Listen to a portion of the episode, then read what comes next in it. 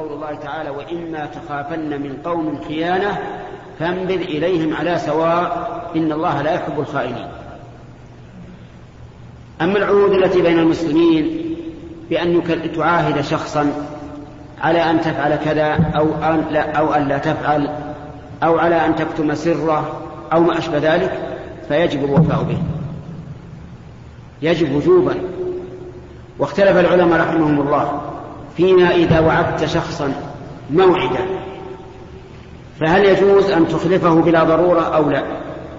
مثل أن تقول سآتيك غدا لدعوة دعاك إما غداء أو عشاء أو ما أشبه ذلك. فهل يجوز أن تخلف الموعد؟ من العلماء من يقول إنك إذا أخلفت الموعد لا تأثم ولكن الصحيح أنك تأثم إلا لعذر شرعي. فإذا وعدت أخاك موعدا يجب أن توفي به لأنك وعدته وإخلاف الموعد من علامات إيش؟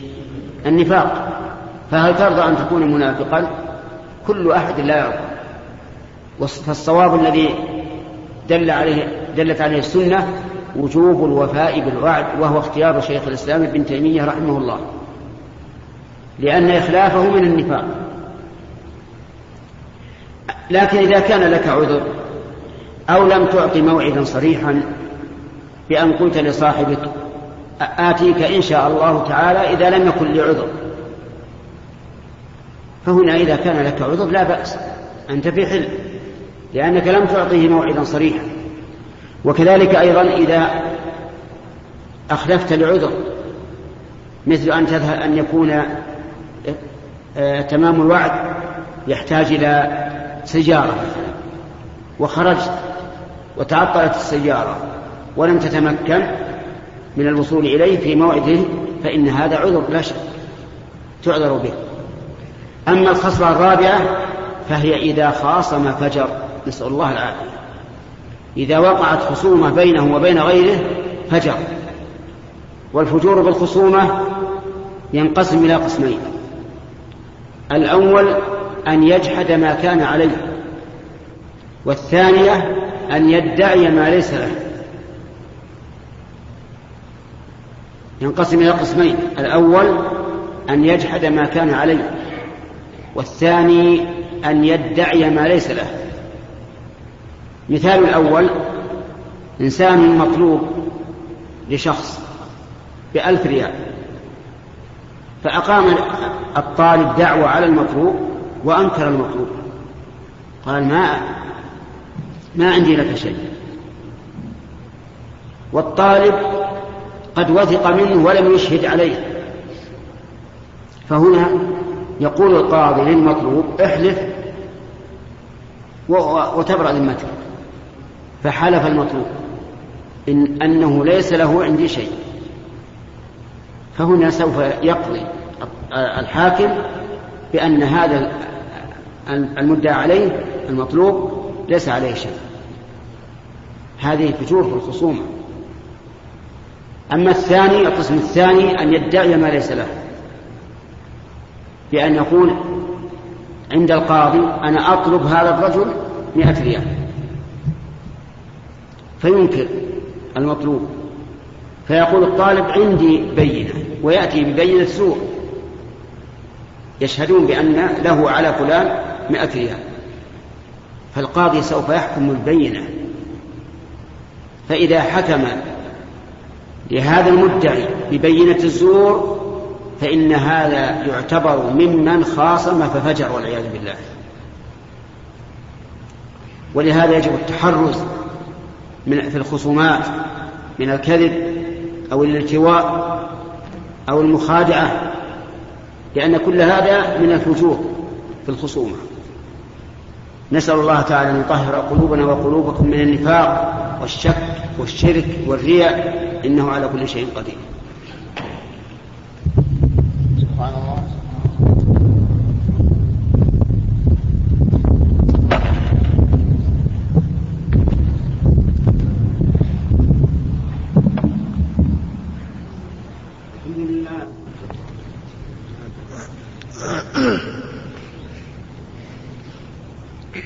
بسم الله الرحمن الرحيم الحمد لله رب العالمين والصلاة والسلام على نبينا محمد وعلى آله وصحبه أجمعين نقل المؤلف رحمه الله تعالى في سياق الأحاديث في باب تحريم الكذب عن ابن عباس رضي الله عنهما عن النبي صلى الله عليه وسلم قال من تحلم بحلم لم من تحلم بحلم لم يره كلف أن يعقد بين شعيرتين ولن يفعل.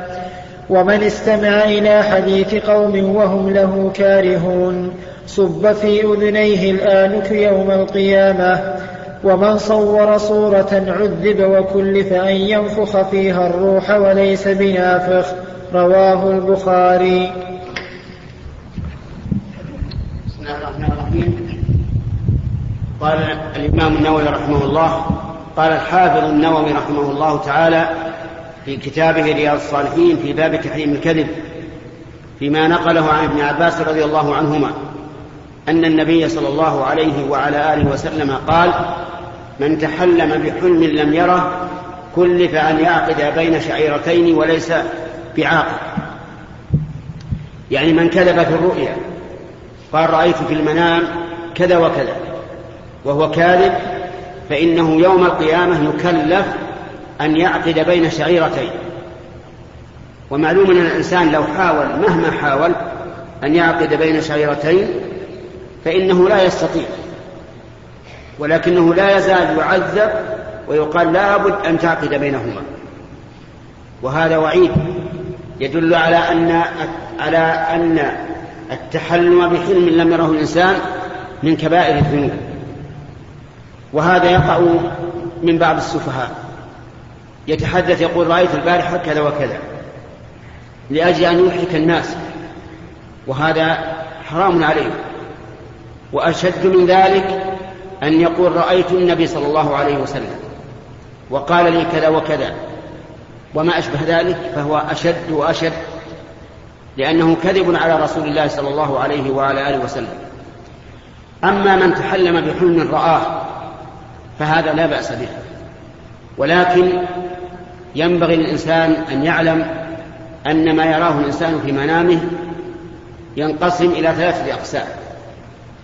قسم يكون خيرا ويستبشر به الإنسان ويفرح به الإنسان فهذا لا يحدث به إلا من يحب.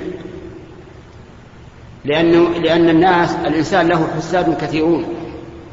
فإذا رأى رؤيا حسنة وحدث بها من لا يحب فإنه ربما يكيد له كيدا يحول بينه وبين هذا الخير الذي رآه كما فعل إخوة يوسف فإن يوسف بن يعقوب عليه الصلاة والسلام وعلى أبيه قال لأبيه يا أبت إني رأيت أحد عشر كوكبا والشمس والقمر رأيتهم لي ساجدين. يعني رأيت هؤلاء أحد عشر كوكب يعني نجوما والشمس والقمر كلها تسجد لي قال له يا بني لا تقصص رؤياك على إخوتك فيكيد لك كيدا إن الشيطان للإنسان عدو مبين. فلا تخبر إنسانا ليس من أحبابك وأصدقائك الذين يودون لك ما يودون لأنفسهم لا تخبرهم بما ترى من رؤيا الخير. الثاني رؤيا شر. هذا القسم الثاني مما يراه الإنسان في المنام. رؤيا شر. تزعج وتخوف فهذه لا تخبر بها أحدا أبدا. لا صديقا ولا عدوا. وإذا قمت من منامك فاتفل عن يسارك ثلاثة وقل أعوذ بالله من شر الشيطان ومن شر ما رأيت. وإن كنت تريد أن تواصل النوم فنم على الجنب الآخر. الذي رأيت على الجنب الآخر يعني لا على الجنب الذي رأيت فيه ما تكره. فإنها لا تضرك. فمن رأى ما يكره يعمل ما يلي. أولا يدخل إن استيقظ يدخل عن يساره ثلاث مرات ويقول أعوذ بالله من شر الشيطان ومن شر ما رأيت. إن أراد أن يواصل النوم ينام على الجنب الثاني. إذا قام فلا يخبر بها أحدا لأن ذلك لا يضر. فإذا فعل هذا فإن ذلك لا يضره بإذن الله. وكان الصحابة يرون الرؤيا تمرضهم وتقلقهم فلما حدثهم النبي صلى الله عليه وعلى آله وسلم بهذا الحديث فعلوا ما, ما أرشدهم إليه واستراحوا. وكثير من الناس مبتلى يبحث عن الشر لنفسه يرى الرؤيا يكرهها ثم يحاول أن يقصها على الناس ليؤولوها له أو ليعبروها له. وهذا غلط. إذا رأيت الرؤيا تكرهها فهذا عندك دواء من أحسن الأدوية بل هو أحسن الأدوية علمك إياه رسول الله صلى الله عليه وعلى آله وسلم. القسم الثالث رؤيا أضاف أحلام. ليس لها رأس ولا قدم. يرى الإنسان أشياء متناقضة ويرى أشياء غريبة. هذه لا تحدث بها أحدا ولا تهتم بها. وقد حدث رجل إلى رسول الله صلى الله عليه وسلم حديثا. قال يا رسول الله رأيت في المنام أني أن رجلا قطع رأسي قطع رأسي فذهب الرأس شاردا فذهبت وراءه لاحقا له فقال له النبي عليه الصلاة والسلام لا تحدث الناس بما يتلاعب به الشيطان بك الشيطان في منامك. هذه من الشيطان. يقطع رأسك ويشرد وتلحقه هذه ما لها أصل ما لها رأس. فمثل هذه الأشياء لا تهتم بها. ولا تحدث بها أحد. أما من رأى الرسول عليه الصلاة والسلام فإذا رأى الرسول على الوصف المعروف الذي وصف في السيرة النبوية ورآه على هيئة حسنة فهذا يدل على خير لهذا الرأي. وأنه قد تأسى به أسوة حسنة. وإن رآه على خلاف ذلك فليحاسب نفسه. يحاسب نفسه. إن رآه مثلا يحدث الرسول ولكن الرسول معرض عنه أو الرسول قد ولى وتركه أو رآه على هيئة غير حسنة يعني مثلا من ثيابه أو ردائه أو إزاره أو ما أشبه ذلك فليحاسب نفسه. فإنه مقصر في في اتباع الرسول صلى الله عليه وعلى آله وسلم. أما المسألة الثانية من تسمع قوما وهم له كارهون صب في أذنيه الآنك يوم القيامة. يعني الإنسان يتسمع إلى ناس وهم يكرهون أن يسمع. فإنه يصب في أذنيه الآنك يوم القيامة. قال العلماء الآنك هو الرصاص المذاب والعياذ بالله.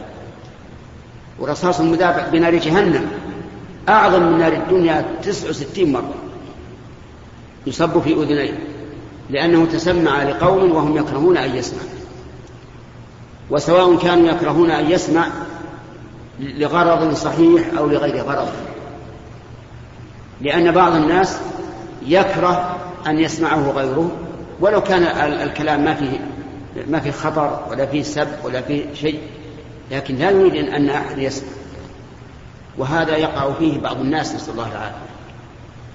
تجد مثلا إذا رأى اثنين يتكلمون يأخذ المصحف ويجلس قريبا منهم ثم يجري يطالع في المصحف كأنه يقرأ وهو يستمع إليه وهم يكرهون ذلك.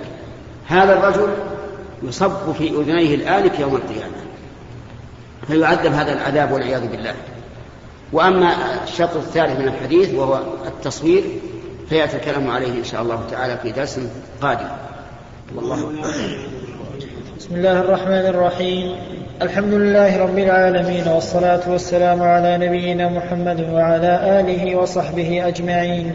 نقل المؤلف رحمه الله تعالى في سياق الأحاديث في باب تحريم الكذب.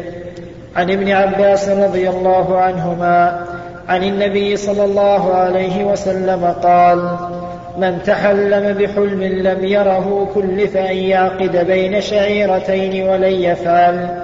ومن استمع إلى حديث قوم وهم له كارهون. صب في أذنيه الآنك يوم القيامة.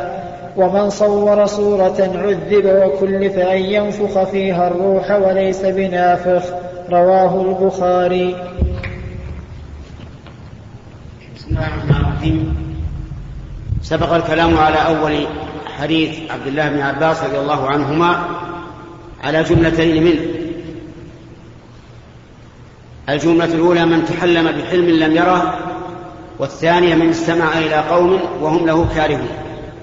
أما الثالثة فهو من صور صورة فإنه يكلف أن ينفخ بها أن ينفخ فيها الروح وليس بنافخ. واعلم أن الصور تنقسم إلى قسمين. صور مجسمة بأن يصنع الإنسان تمثالا على صورة إنسان أو حيوان. فهذا محرم سواء أراده لشيء لغرض محرم أو لغرض مباح. مجرد هذا التصوير محرم بل هو من كبائر الذنوب لأن النبي صلى الله عليه وسلم لعن المصورين. وبين أن أشد الناس عذابا يوم القيامة الذين يظاهرون بخلق الله.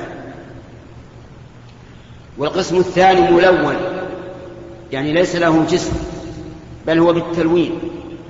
فهذا قد اختلف العلماء فيه فمنهم من أجازه وقال لا بأس به إلا إذا قصد به غرض محرم. مثل أن يقصد به التعظيم. تعظيم المصور. فإنه يخشى إذا طال بالناس زمن أن يعبدوا كما جرى لقوم نوح فيما يذكر أنهم صوروا صور رجال صالحين ثم عبدوها لما طال الزمن. وقال بعض العلماء إنه لا بأس به. إذا كان ملونا واستدلوا بحديث زيد بن خالد وفيه إلا رقما في ثوب. إلا رقما في ثوب. قالوا هذا يدل على هذا مستثنى. فيدل على أن المحرم ما له روح فقط. ولكن الراجح الراجح الذي عليه جمهور العلماء أنه لا فرق بين المجسم وبين الملون الذي يكون بالرقم كله محرم. لأن الذي يرقم باليد صورة يحاول أن يكون مبدعا مشابها لخلق الله عز وجل فيدخل في العموم. وأما الصور التي تلتقط التقاطا بالآلة المعروفة آلة التصوير الفوتوغرافية فهذه من المعلوم أنها لم تكن معروفة في عهد النبي عليه الصلاة والسلام والمعروف في عهده إنما هو التصوير باليد الذي يضاهي فيه الإنسان خلق الله عز وجل. أما هذه فغير معروفة وليس الإنسان يصورها بيده ويخططها. يخطط الوجه مثلا والعينين والأنف والشفتين وما أشبه ذلك. لكنه يلقي ضوءا معينا تقدمت به معرفة الناس فينطبع تنطبع هذه الصورة في في الورقة وهو لم يحدث شيئا في الصورة لم يصورها إطلاقا وإنما التقطت هذه الصورة بواسطة هذا الضوء. فهذا لا شك أنه فيما نرى أنه لم يصور. غاية ما هنالك أن الصورة انطبعت بالورقة ف... فكان الذي في الورقة هو خلق الله عز وجل. يعني هذه الصورة صورة التي خلقها الله. والدليل على ذلك أن الإنسان لو كتب كتابا بيده ثم صوره بالآلة آلة التصوير فإنها إذا طلعت الصورة لا يقال إن هذا هو كتابة الذي حرك الآلة وصور بل يقال هذا كتابة الأول الذي خطه بيده. فهذا مثله ولكن يبقى النظر لماذا صور الإنسان بهذه الصورة الفوتوغرافية؟ إذا كان لغرض محرم فهو حرام من باب تحريم الوسائل.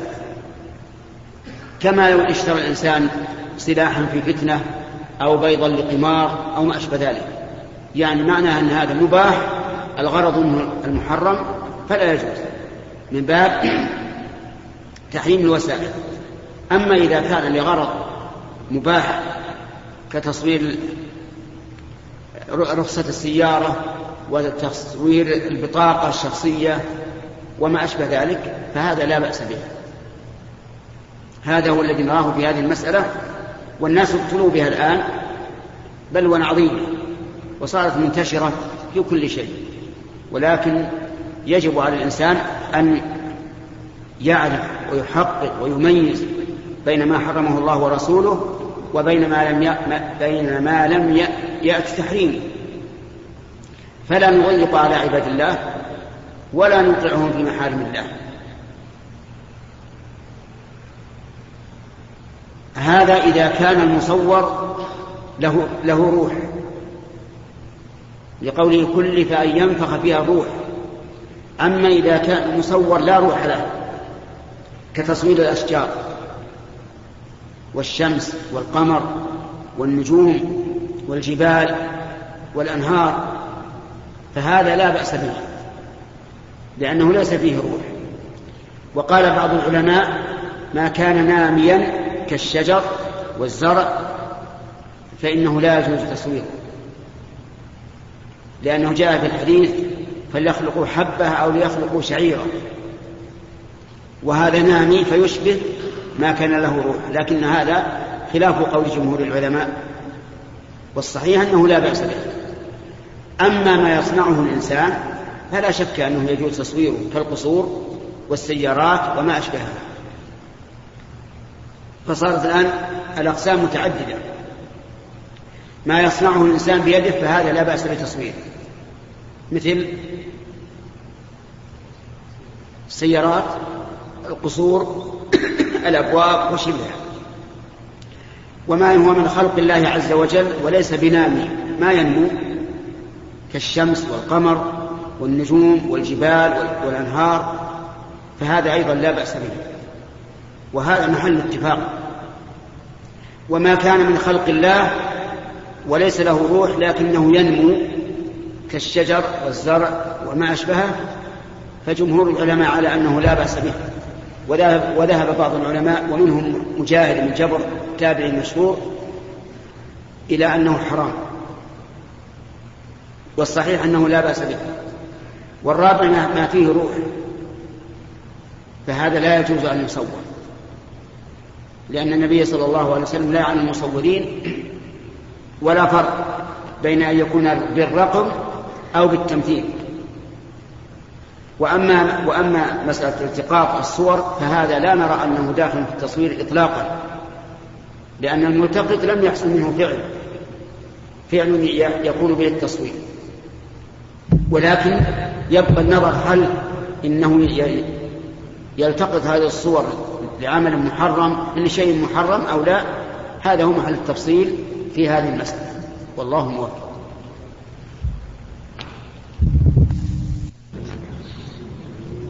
بسم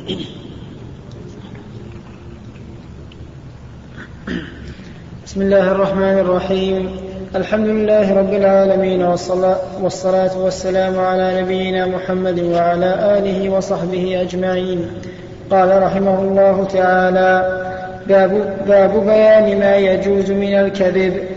اعلم أن الكذب وإن كان أصله محرما فيجوز في بعض الأحوال بشروط قد, أو قد أوضحتها في كتاب الأذكار ومختصر ذلك أن الكلام وسيلة إلى المقاصد فكل مقصود محمود يمكن تحصيله بغير الكذب بغير الكذب يحرم الكذب يحرم الكذب فيه وإن لم يمكن تحصيله إلا بالكذب جاز الكذب. ثم إن, ثم إن كان تحصيل ذلك المقصود مباحا كان الكذب مباحا. وإن كان واجبا كان الكذب واجبا. فإذا اختفى فإذا اختفى مسلم من ظالم يريد قتله أو أخذ ماله. فإذا اختفى مسلم من ظالم يريد قتله أو أخذ ماله. وسئل إنسان عنه وجب الكذب بإخفائه. وكذا لو كان عنده وديعة وأراد ظالم أخذها وجب الكذب بإخفائها والأحوط في هذا كله أن يوري ومعنى التورية أن يقصد بعبارته مقصودا صحيحا ليس هو كاذب بالنسبة إليه وإن كان ليس هو كاذبا بالنسبة إليه وإن كان كاذبا في ظاهر اللفظ وإن كان كاذبا في ظاهر اللفظ وبالنسبة إلى ما يفهمه المخاطب ولو ترك التورية وأطلق عبارة الكذب فليس بحرام في هذا الحال. واستدل العلماء بجواز الكذب في هذا الحال بحديث أم, أم كلثوم رضي الله عنها أنها سمعت رسول الله صلى الله عليه وسلم يقول ليس الكذاب الذي يصلح بين الناس فينمي خيرا أو يقول خيرا. متفق عليه. زاد مسلم في رواية قالت أم كلثوم ولم أسمعه يرخص في شيء مما يقول الناس إلا في ثلاث تعني الحرب والإصلاح بين الناس وحديث الرجل امرأته وحديث المرأة زوجها. سبق لنا أن الكذب محرم وأن منه ما هو كبيرة من كبائر الذنوب كالكذب على الله ورسوله. ذكر المؤلف في هذا الباب أن الكذب يجوز أحيانا إذا كان لمصلحة كبيرة عظيمة وأنه قد يجب الكذب إذا كان فيه دفع مضرة وظلم مثال ذلك في دفع المضرة والظلم أن يكون شخص ظالم يريد أن يقتل شخصا معصوما فيختفي هذا الشخص المعصوم عن الظالم وأنت تعلم مكانه. تدري أين هو؟ فسألك هذا الظالم الذي يريد قتله بغير حق أين فلان؟ هل فلان في هذا فتقول لا. ليس فلانا ليس فلان في هذا. وأن تدري أنه فيه فهذا لا بأس به. بل هو واجب لإنقاذ المعصوم من الهلكة. فإن إنقاذ المعصوم من الهلكة واجب وما لا يتم الواجب إلا به فهو واجب. ولكن الأفضل أن توري يعني تنوي معنى صحيحا ليس فيه كذب وإن كان ظاهر اللفظ أنه كذب. فتقول مثلا إذا قال هذا الظالم فلان في هذا تقول ليس في هذا وتشير إلى شيء معين ليس فيه.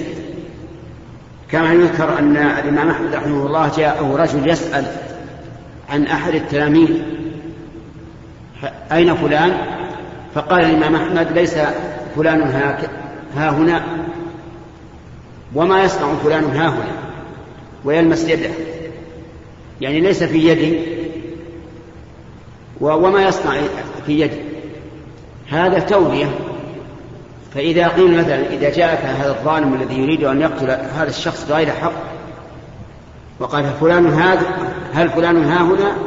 تقول لا وتلمس يدك بيدك الأخرى يعني ليس في يدك أو إنسان مثلا ألح عليك بشيء وأنت لا تريد أن تعطيه لأنه يفسد المال. فتقول والله ما بيدي شيء. ويدك ليس فيها شيء. ليس فيها دراهم ولا ولا غيره. تقول ليس في يدي شيء وأنت صادق وهو يفهم أنه ليس عندك شيء.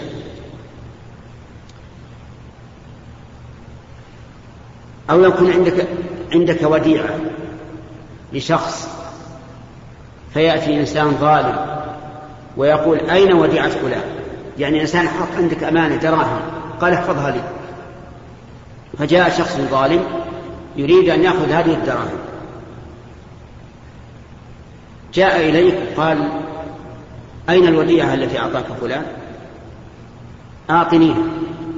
فقلت والله ما عندي له وديعة. والله ما عندي له وديعة. تأول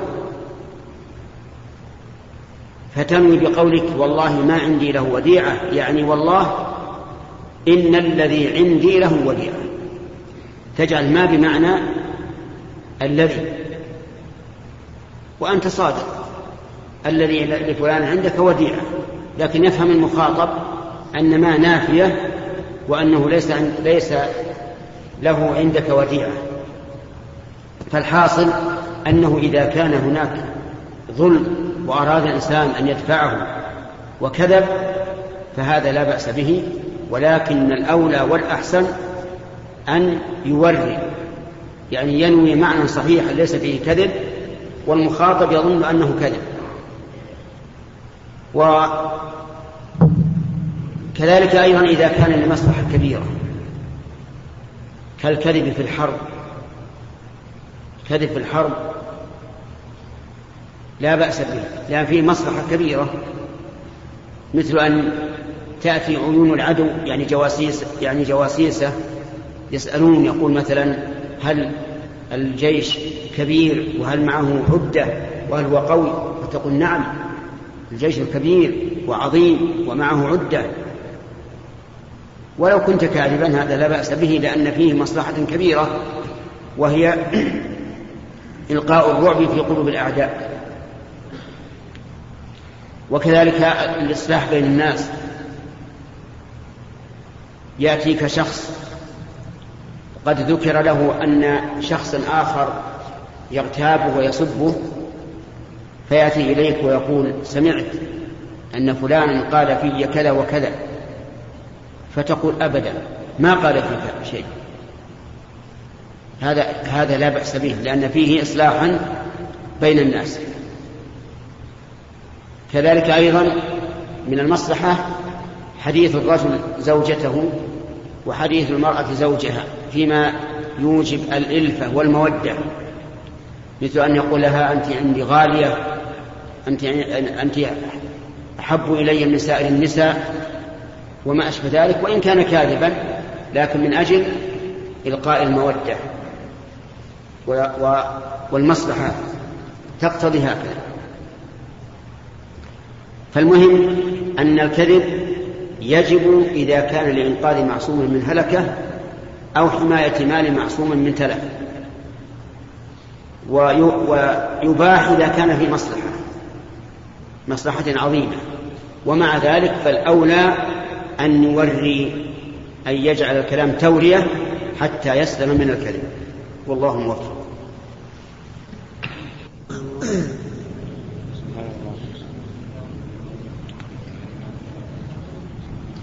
بسم الله الرحمن الرحيم. الحمد لله رب العالمين والصلاة والسلام على نبينا محمد وعلى آله وصحبه أجمعين. قال رحمه الله تعالى باب الحث على التثبت فيما يقوله ويحكيه. قال الله تعالى ولا تقف ما ليس لك به علم. وقال تعالى ما يلفظ من قول إلا لديه رقيب عتيد. عن أبي هريرة رضي الله عنه أن النبي صلى الله عليه وسلم قال كفى بالمرء كذبا أن يحدث بكل ما سمع. رواه مسلم. وعن سمرة رضي الله عنه قال قال رسول الله صلى الله عليه وسلم من حدث عني بحديث يرى أنه كذب فهو أحد الكاذبين. رواه مسلم. وعن أسماء رضي الله عنها أن امرأة قالت يا رسول الله إن لي ضرة فهل علي جناح إن تشبعت من زوجي غير الذي يعطيني؟ فقال النبي صلى الله عليه وسلم المتشبع بما لم يعط كلابس ثوبي زور متفق عليه. بسم الله الرحمن الرحيم. قال المؤلف رحمه الله تعالى في كتابه رياض الصالحين باب التثبت فيما يقول وما يتكلم به. لما ذكر رحمه الله تحريم الكذب والكذب أن يخبر الإنسان بما لم يكن على وجه صريح أعقبه بهذا الباب. أن الإنسان يتثبت فيما ينقل ويتكلم به لا سيما في زمن الأهواء وكثرة القيل والقال والتحدث بما كان أو لم يكن. ثم استدل لذلك بالآيات والأحاديث. قال الله تبارك وتعالى ولا تقف ما ليس لك به علم. لا تقف يعني لا تتبع ما ليس لك به علم. ولا تكن ولا تكلم إلا بما تعلم. وقد قال النبي صلى الله عليه وسلم من كان يؤمن بالله واليوم الآخر فليقل خيرا أو ليصمت. وقال تعالى ما يلفظ من قول إلا لديه رقيب عتيد. يعني إلا عنده رقيب مراقب يرقب ما يقول عتيد حاضر فلا يغيب عنه. وهذا تحذير من أن يتكلم الإنسان في شيء لا يعلم عنه لأنه بذلك آثم. ثم ذكر في ذلك أحاديث كفى بالمرء كذبا أن يحدث بكل ما سمع؟ يعني أن الإنسان إذا صار يحدث بكل ما سمع من غير تثبت وتأني فإنه يكون عرضة للكذب. وهذا هو الواقع. ولهذا يجيء إليك بعض الناس يقول صار كذا وكذا ثم إذا بحثت وجدت أنه لم يكن. أو يأتي إليك ويقول قال فلان كذا وكذا فإذا بحثت وجدته لم يكن.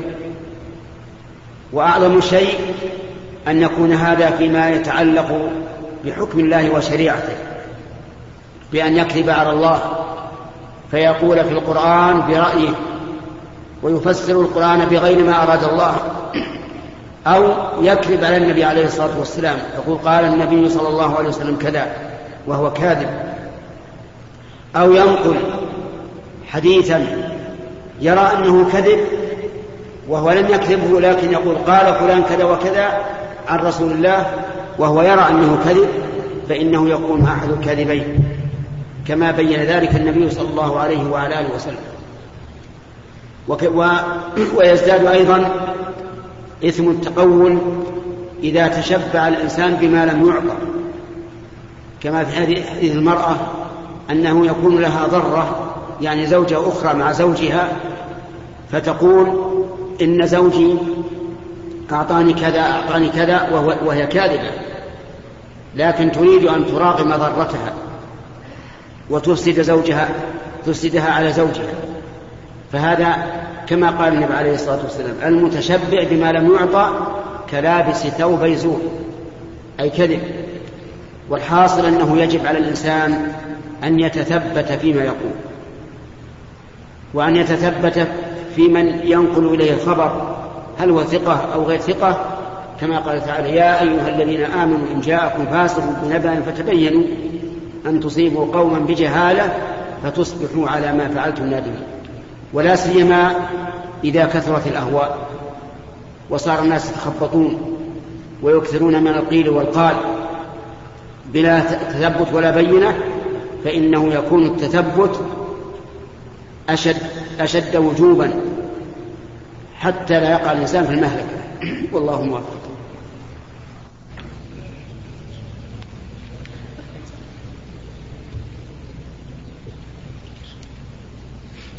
بسم الله الرحمن الرحيم. الحمد لله رب العالمين والصلاة والسلام على نبينا محمد وعلى آله وصحبه أجمعين. قال رحمه الله تعالى باب بيان علض تحريم شهادة الزور. قال الله تعالى واجتنبوا قول الزور. وقال تعالى ولا تقف ما ليس لك به علم. وقال تعالى ما يلفظ من قول إلا لديه رقيب عتيد. وقال تعالى إن ربك لبالمرصاد. وقال تعالى والذين لا يشهدون الزور. عن أبي بكر رضي الله عنه قال قال رسول الله صلى الله عليه وسلم ألا أنبئكم بأكبر؟ عن أبي بكرة رضي الله عنه قال فقال رسول الله صلى الله عليه وسلم ألا أنبئكم بأكبر الكبائر؟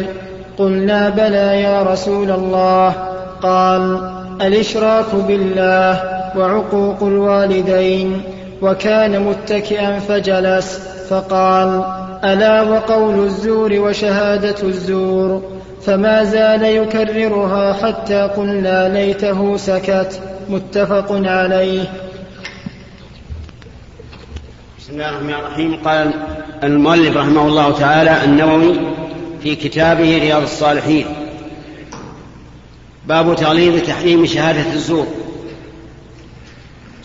شهادة الزور أن يشهد بما يعلم أن أن الأمر بخلافه أو يشهد بما لا يعلم أن الأمر بخلافه أو بوفاقه أو يشهد بما يعلم أن الأمر على وفاقه لكنه على صفة غير الواقع. هذه ثلاثة أحوال وكلها حرام. لا يحل للإنسان أن يشهد إلا بما علم على الوجه الذي علمه فإن شهد بما يعلم أن الأمر بخلافه مثل أن يشهد لفلان مثل أن يشهد لفلان بأنه يطلب فلانا كذا وكذا وهو يعلم أنه كاذب. فإن هذا والعياذ بالله شهادة زور. ومثل أن يشهد لفلان أنه فقير يستحق الزكاة وهو يعلم أنه غني. ومثل ما يفعله بعض الناس عند الحكومة يشهد بأن فلان له عائلة عدد أفرادها كذا وكذا. وهو يعلم أنه كاذب. والأمثلة على هذا كثيرة. ويظن هذا المسكين الذي شهد بشهادة الزور يظن أنه نافع لأخيه وأنه ضار به والواقع أنه ظالم لنفسه وظالم لأخيه. أما كونه ظالما لنفسه فظاهر لأنه أثم وأتى كبيرة من كبائر الذنوب. وأما كونه ظالما لأخيه فلأنه أعطاه ما لا يستحق وجعله يأكل المال بالباطل. وقد قال النبي صلى الله عليه وعلى آله وسلم أنصر أخاك ظالما أو مظلوما. قالوا يا رسول الله هذا المظلوم كيف نصر الظالم؟ قال تمنعه من الظلم. فذلك نصر. فهؤلاء الذين يشهدون بالزور والعياذ بالله يظنون أنهم ينفعون إخوانهم وهم يضرون أنفسهم وإخوانهم. ثم استشهد المؤلف بآيات بعضها سبق قريبا وبعضها لم يسبق. فقال وقول الله تعالى فاجتنبوا الرجس من الأوثان واجتنبوا قول الزور. وأول ما يدخل ما يدخل بقول الزور شهادة الزور. وقد جعل الله تعالى ذلك مع, مع الرجس من الأوثان أي مع الشرك. فدل هذا على عظمه أي عظم شهادة الزور. وقال الله تعالى والذين لا يشهدون الزور يمدحهم.